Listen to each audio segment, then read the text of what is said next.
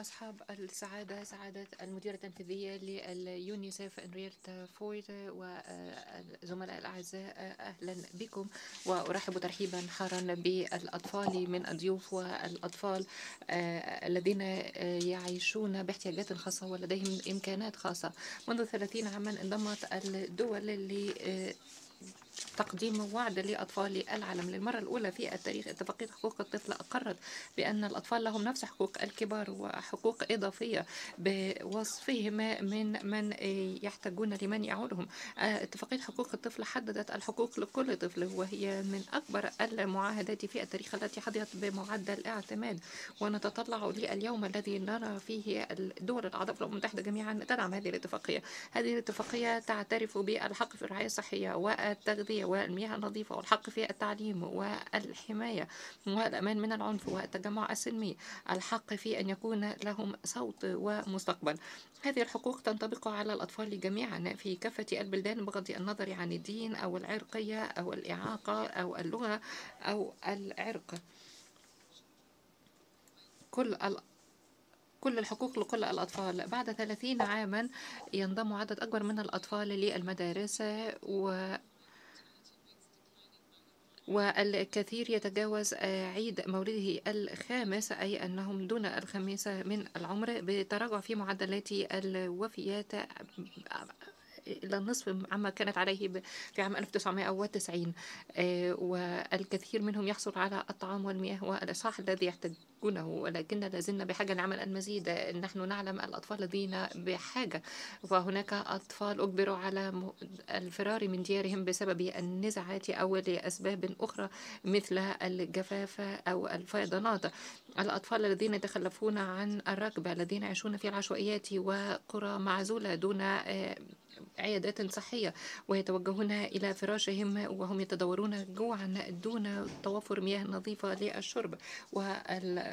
والأطفال قد يجندون أيضا ك مقاتلين وقد يكونون إرهابيين وقد يساء إليهم جنسيا وقد يسجنون أو يجبروا على العمل كرق. وتفيد التقديرات بأن 10 مليون طفل في حالة رقة أو تم الإتجار بهم أو يقعون أسرى بسبب الدين. أصحاب السعادة سيدات والسادة المستقبل ملك للأطفال ولكن إن لم نعمل الآن الكثير من أطفال اليوم سيواجهون مستقبلا مظلما. السنوات الثلاثون المقبلة ستمثل تحديا هائلا أمام اتفاقية حقوق الطفل. المناخ في حالة أزمة. انعدام المساواة يتعمق التكنولوجيا تحول عالمنا. وحتى قد توسع من هذا الفاصل عدد غير مسبوق من الأطفال والأسر في حالة حل وترحال. أمامنا عشر سنوات ولكن لم نصل إلى المعدل المطلوب في تنفيذ خطة 2030 التنمية المستدامة الأمين العام ادعى لعقد من العمل لرفع مستوى الطموح والتعجيل بالعمل من أجل تحقيق هذه الأهداف ويجب أن يكون الأطفال في صميم كل الجهود التي نبذلها.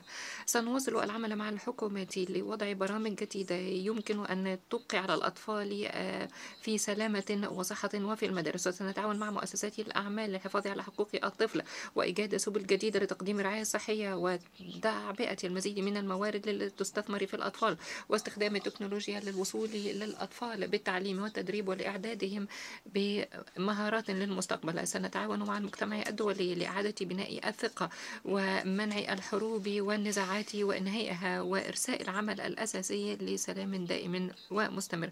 سنجمع العالم حول الحاجة الماسة للتصدي لتغير المناخ واتخاذ الإجراءات للإبطاء من احترار كوكبنا. وأهم من هذا وذاك سنعمل مع الأطفال لنستمع لما لديكم من أفكار ومن آراء وأحلام للمستقبل.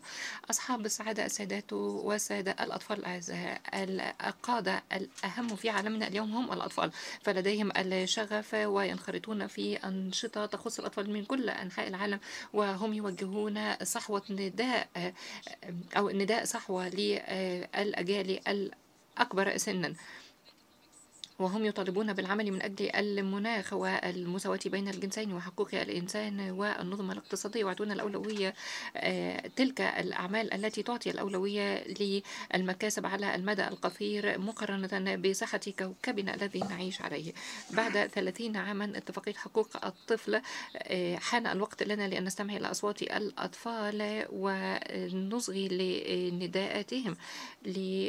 لنوفي بالوعود التي قطعناها على أنفسنا. بينما نحتفل بالذكرى الثلاثين لاتفاقية حقوق الطفل دعونا نعمل على أساس تطلعات هؤلاء الأطفال. فلنلتزم بوضع الأطفال في الصدارة كل يوم ودعونا نبني مستقبلا مشرقا معا لكل طفل ولكل الحقوق. شكرا جزيلا.